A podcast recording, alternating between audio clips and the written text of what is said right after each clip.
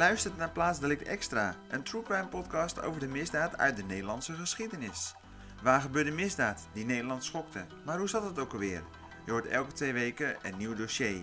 Voor meer dossiers, kijk dan op mijn Instagram pagina plaats.delict podcast. Dit dossier gaat over Jos Leidekkers, in het drugsmilieu bekender als Bolle Jos, Hollywood, El Presidente of El Ganador, de overwinnaar. We bespreken zijn opkomst als crimineel en waar hij allemaal verdacht van wordt. Dan nu het dossier over Bolle Jos. Jozef Johannes Leidekkers wordt op 1 juli 1991 geboren in Breda. Hij woont ook in de daaraan vastgegroeide Prinsenbeek. Hij moet als kind meermaals van school wisselen vanwege problemen en komt met justitie in aanraking. Zijn vader is in Jos jonge jaren actief geweest in het criminele milieu, aldus politie en criminele bronnen. Uit strafdossiers in Nederland en België blijkt hoe dan ook dat hij tal van mensen in de zak heeft op belangrijke posities in de haven, bij rederijen, beveiliging en transport, die zijn zoon later veel verder zal uitbouwen. Ondertussen investeert Leidekker senior in ontroerend goed en clubs, waaronder bordeelclub Repenbaan een seksparadijs in Breda. Op 9 augustus 2008 slaat een vriendengroepje waarvan Jos Leidekkers, dan 17 jaar, deel uitmaakt, een jongen in elkaar op een fietspad in Etteleur. Hij wordt volgens getuigen neergeslagen en geschopt, aan zijn haren over de grond gesleept en nog steeds geschopt als hij op de grond ligt. Jos Leidekkers bekent dat hij bij die mishandeling was, maar zegt niet te hebben geslagen. Hij krijgt 27 dagen jeugddetentie en een werkstraf van 40 uur voorwaardelijk. In het vonnis stellen de rechters vast dat de verdachte zichzelf een probleemloze jongere vindt, net zoals zijn moeder. En dat een psycholoog geen stoornis heeft vastgesteld? Wel vindt de psycholoog het opvallend dat de verdachte veel praat, dat op een dwingende manier doet en daarbij steeds zijn gelijk wil halen. De Raad van de Kinderbescherming en de Jeugdreclassering delen die constatering. De jonge Jos Leidekkers kan niet omgaan met afwijkende meningen en zijn zelfreflectie is zeer beperkt. Het vonnis. De rechtbank heeft dit beeld in sterke mate herkend tijdens de behandeling ter zitting. De verdachte ziet alleen zijn eigen gelijk en hoort niet wat anderen daarover te zeggen hebben. In februari 2011 krijgt Jos Leidekkers, net 19, in een Scheveningscafé ruzie over een barkruk. Hij heeft zijn pistool een paar minuten eerder al geladen, toen hij nog met zijn rug naar de Marokkaanse mannen stond. Op het moment dat de ruzie voor de deur van het hotel het koerhuis ontspoort, is hij voorbereid. De Brabander trekt een omgebouwde semi-automatisch alarmpistool van onder zijn rode bomberjack tevoorschijn en richt het op de man voor hem.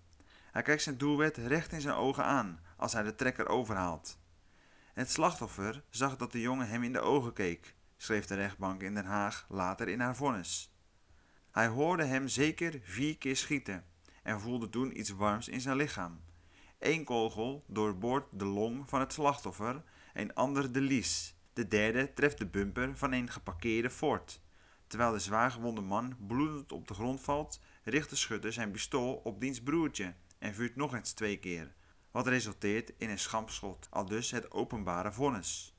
De jongen overleeft met geluk, maar de kogels blijken later niet zonder levensgevaar uit zijn wervelkolom en zijn lies te kunnen worden verwijderd, dus blijven ze zitten. Een politiehond vindt de gevluchte Jos Leidekkers in een tuin.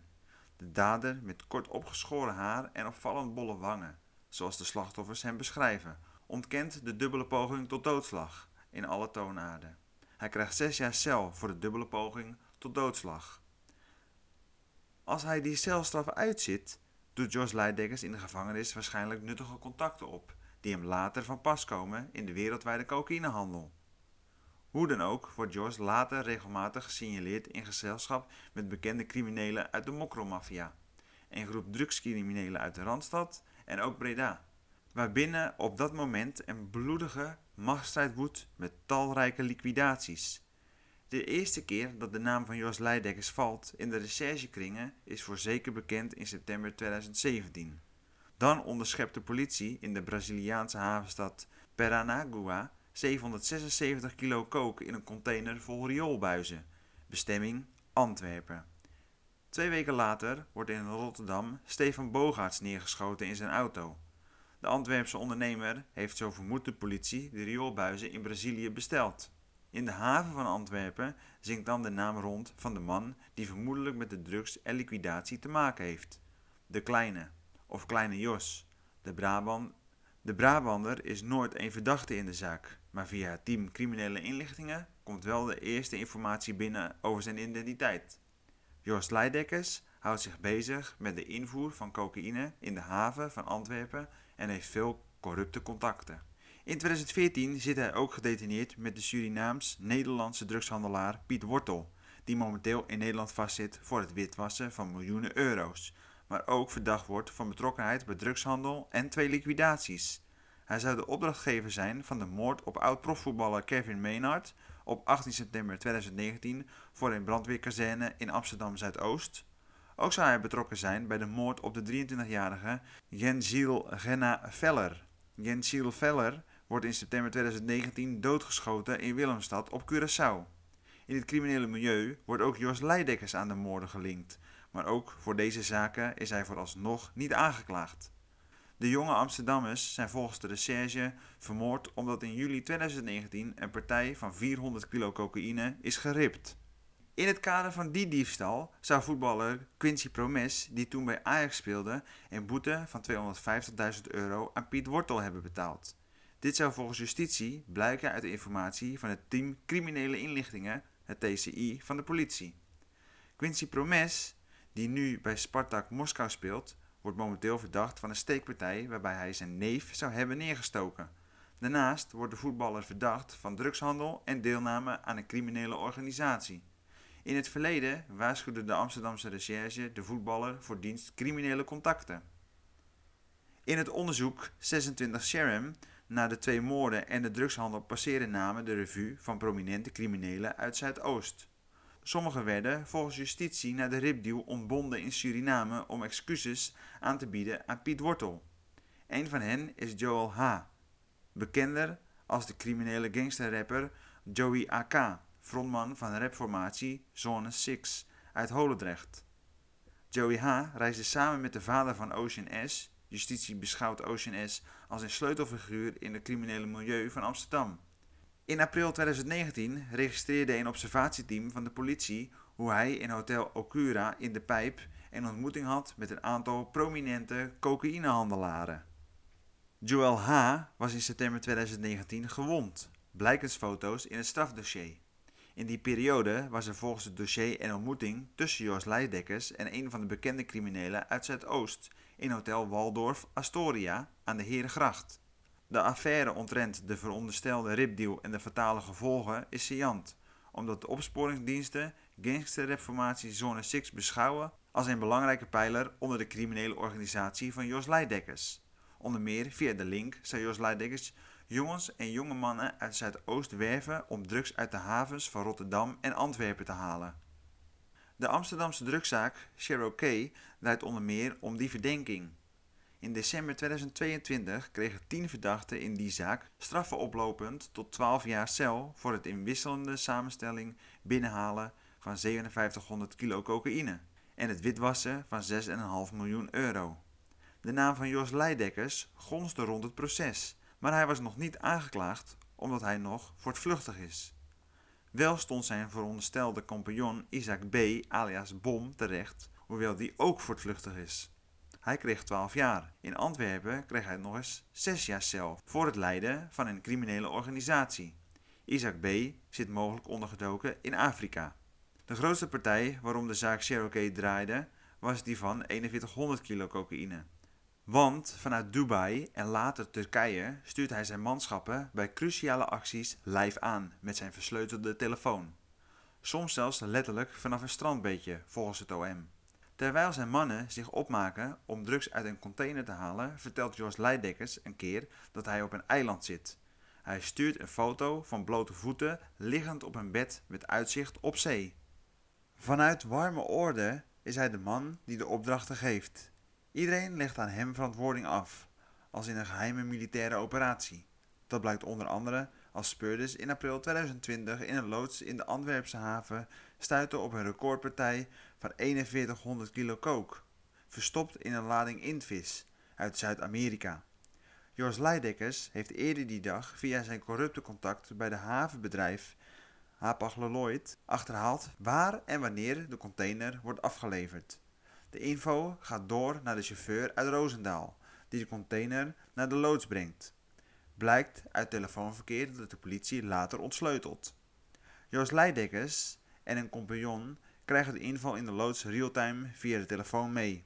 Ze appen met een van de uithalers, die zich voor de binnenstormende agenten heeft verstopt in een kast. Broer, blijf alsjeblieft veilig tot ze weg zijn. We halen je daar weg, stuurt de compagnon. Als de jongeman niet meer reageert en waarschijnlijk is opgepakt, geeft Jos Leidekkers opdracht om vanaf afstand dienstversleutelde Sky ECC-telefoon te wissen. Doe zo'n Sky-swipe, broer, snel. De inval in de loods betekent een klap voor Jos Leidekkers. De 13 jonge mannen die worden aangehouden en veroordeeld maken volgens justitie deel uit van een belangrijke poot van zijn organisatie. Het hart daarvan wordt gevormd door een groep gangsterrappers en straatsoldaten uit Amsterdam Zuidoost, van wie eind 2022 nog eens 10 mannen zijn veroordeeld in Nederland. Voor het uithalen van die partij waren in een aparte strafzaak in België al 13 Nederlandse verdachten veroordeeld tot celstraffen oplopend tot 8 jaar, van wie 8 jonge mannen uit Zuidoost. Wat Jos Leidekkers onderscheidt, zo zegt een criminele bron in België, hij betaalt zijn uithalers veel beter dan de concurrentie. Op een gegeven moment wilde iedereen met Joske zaken doen. Uithalers, maar ook investeerders in nieuwe partijen cocaïne, zeker in Antwerpen, want hij kreeg het voor elkaar. Hij was de koning van de kaaien geworden. Joske Breda oogde in die tijd als een octopus met aan elke arm een andere zakenpartner, van Dubai tot Rotterdam en van Brabant tot België. Schattingen over zijn verdiensten lopen in de vele honderden miljoenen euro's. Zion Milano R. uit Amsterdam Zuidoost, op straat bekender als Spoortje, speelt in de zaak Cherokee een interessante rol omdat hij volgens justitie symbool kan staan voor de jonge straatsoldaten zoals Jos Leidekkers die inlijft als tussenschakel naar zijn uithalers. De rechtbank gaf de twintiger zeven jaar voor het ronselen van uithalers en andere uitvoerders in de onderste laag van de organisatie. Hij communiceerde met zijn sterrenteams onder meer via een chatgroep die hij de weinig verhullende naam Organization Criminal gaf. Toen eind 2019 179 kilo cocaïne uit Brazilië niet tijdig uit de Rotterdamse haven was gehaald en was doorgevaren naar Finland, zette Zion R. daar met een groepje getrouwen vlot en overval op touw. Al mislukte die. Die actieradius suggereert professie. In de aanloop naar zijn drugszaak werd Zion R. ondertussen veroordeeld tot 12 jaar voor het doodschieten van de 30-jarige kennis Emmanuel Maantje Sambo na een ruzie op een huisfeestje in 2020 op het Krugerplein in Amsterdam-Oost. In de zaak Cherokee wierp justitie ook enig licht op de extreme gewelddadigheid die ze Jos Leidekkers toedicht. Een van de ingevoerde partijen van 676 kilo cocaïne die was binnengehaald via de Antwerpse haven was gepakt in de verborgen ruimte in een auto.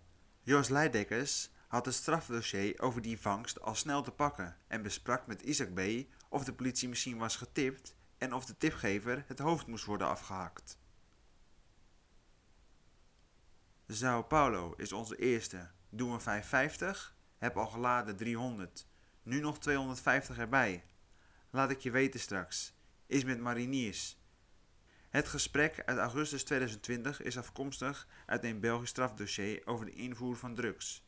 Aan het woord is, volgens de Belgische opsporingsdiensten, Jos Leidekkers. De onderschepte gesprekken in het dossier laten een man zien die onvermoeibaar drugstransporten organiseert, waarbij lijkt hij niet te beroerd om te delen.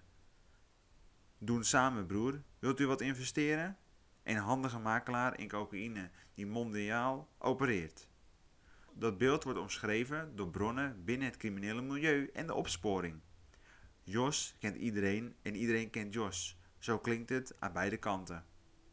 Ook de inmiddels voor grootschalige drugshandel tot 15 jaar zelf veroordeelde Roger P. alias Piet Costa en het in Dubai gearresteerde, maar weer vrijgelaten veronderstelde kopstuk Edin G. Alom wordt Jos Leidekkers gezien als leider van een van de naar schatting 5 tot 7 door Nederlanders gedomineerde drugssyndicaten. inclusief die van de andere vernoemde kopstukken. Jos Leidekkers zou drugslijnen vanuit Midden- en Zuid-Amerika hebben opgezet of overgenomen. Hij zou in Brabant, Spanje en Dubai zaken hebben gedaan met Nederlandse criminelen van Marokkaanse origine.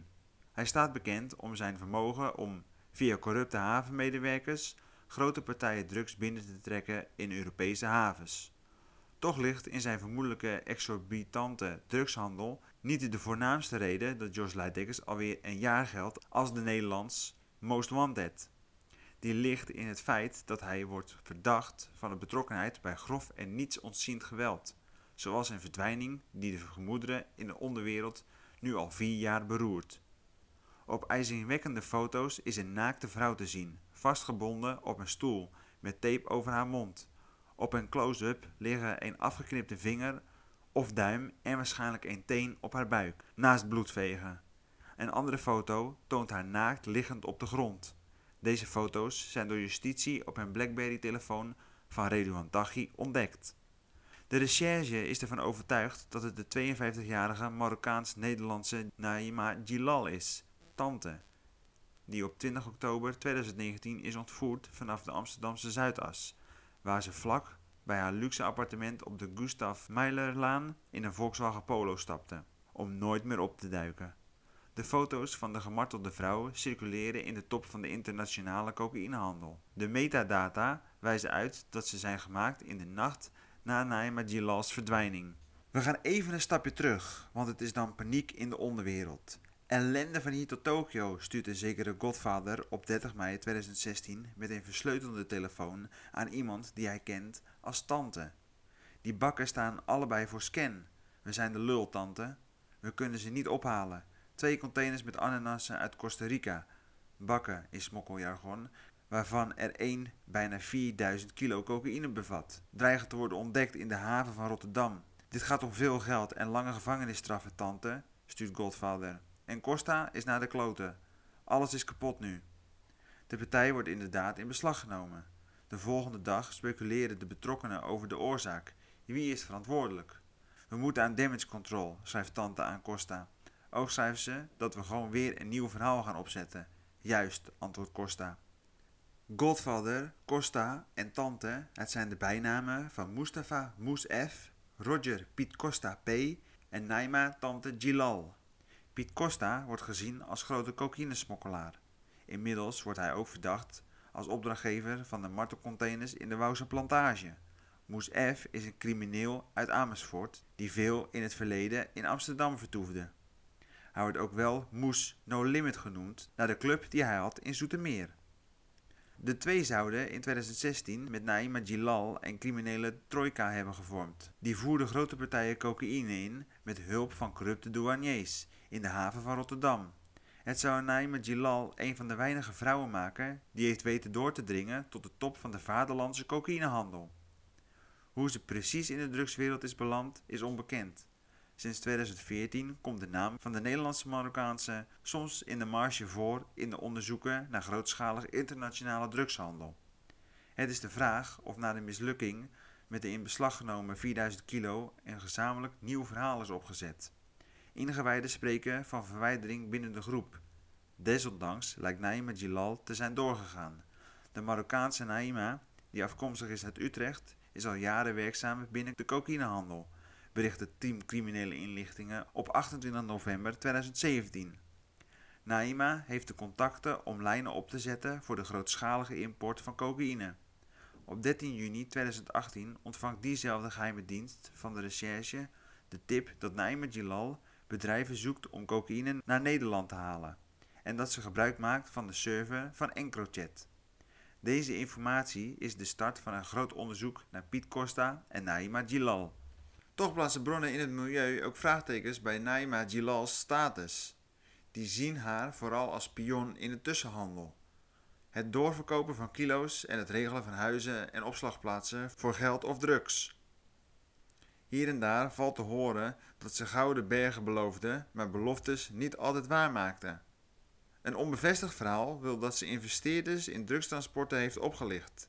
In de internationale drugshandel is het gebruikelijk dat verschillende personen of groepen mee investeren in een transport.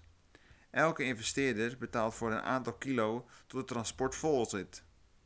Naima Gilal zou veel meer investeerders hebben geregeld dan er kilo's meegingen op transport, om de containers vervolgens weg te tippen, zodat de partijen werden onderschept. De investeerders kregen te horen van de mislukking en het overschot van de investering zou Naima Gilal in eigen zak hebben gestoken. Onderzoek heeft voor dit scenario geen bevestiging opgeleverd, maar vaststaat is dat ze in meerdere conflicten verzeild is geraakt. In oktober 2019 ondergaat Naima Gilal een maagverkleining. Na de zware operatie moet ze rustig aandoen. Desondanks reist ze van Spanje naar Amsterdam. Op 20 oktober 2019 wordt ze bij haar luxe appartement aan de Gustav Meijerlaan hartje Zuidas rond half tien s'avonds door een donkere auto opgehaald bij de Albert Heijn to go. Ze verdwijnt spoorloos. Veelzeggend over de conflicten waarin Naima Gilal was verwikkeld, als de politie in november foto's heeft getoond van criminelen die ten tijde van haar verdwijning bij het wooncomplex posten, melden die zich bij de politie. Ze komen snel weer vrij, want lijken tot een andere groep te horen van de groep die Naima Gilal daadwerkelijk ontvoerde. Minstens twee groepen joegen op haar, is de conclusie in het milieu. Ingewijden opperen dat haar medische toestand niet bekend was bij de ontvoerders. Op het moment dat ze tijdens beperkingen en por in haar maag zou hebben gekregen, zouden haar wonden zijn opengegaan, wat haar vertaal zou zijn geworden. Op 23 april 2020 krijgt de recherche de tip dat een gebruiker van een telefoon met een bepaald e-mailnummer vermoedelijk betrokken is bij de verdwijning CQ moord op tante. Die telefoon schrijft de recherche toe aan Piet Costa. Volgens zijn advocaat is hij niet aangeklaagd als verdachte, maar als getuige. Maar dan komt Jos, Josje Breda in beeld. De recherche linkt hem daadwerkelijk aan de verdwijning van Naima Gilal. Mogelijk werd Naima Gilal ter verantwoording geroepen voor de 4000 kilo cocaïne of werd het beticht van dubbelspel en gemarteld om informatie los te krijgen. In maart 2021 kwam de politie en OM een loods uit in Antwerps havengebied. In de loods was het jaar daarvoor een gigantische partij van 4100 kilo cocaïne aangetroffen. Speurhonden sloegen meteen aan toen de bodem werd doorzocht. De recherche is ervan overtuigd dat hier Naima Gilal heeft gelegen. Vermoedelijk is het lichaam verplaatst. Zo bleek dat de betonnen vloer volledig vervangen was. In november 2021 vaardigde justitie in België een internationaal opsporingsbevel uit naar de man die als kookkoning van de Antwerpse haven wordt gezien. Er liep een omvangrijk onderzoek naar Jos Leidekkers en andere Belgische en Nederlandse verdachten die grote partijen via de haven zouden smokkelen. Er gaat ook nog een verhaal over dat de groep rond Jos Leidekkers een grote partij kook uit de haven wilde halen in augustus 2020. Maar dat hoor je in deel 2 over Bolle Jos. Daar bespreken we de bedreiging aan het adres van voormalig minister Fred Grappenhaus. En kan je eeuwig uit handen van justitie blijven? Tot dan.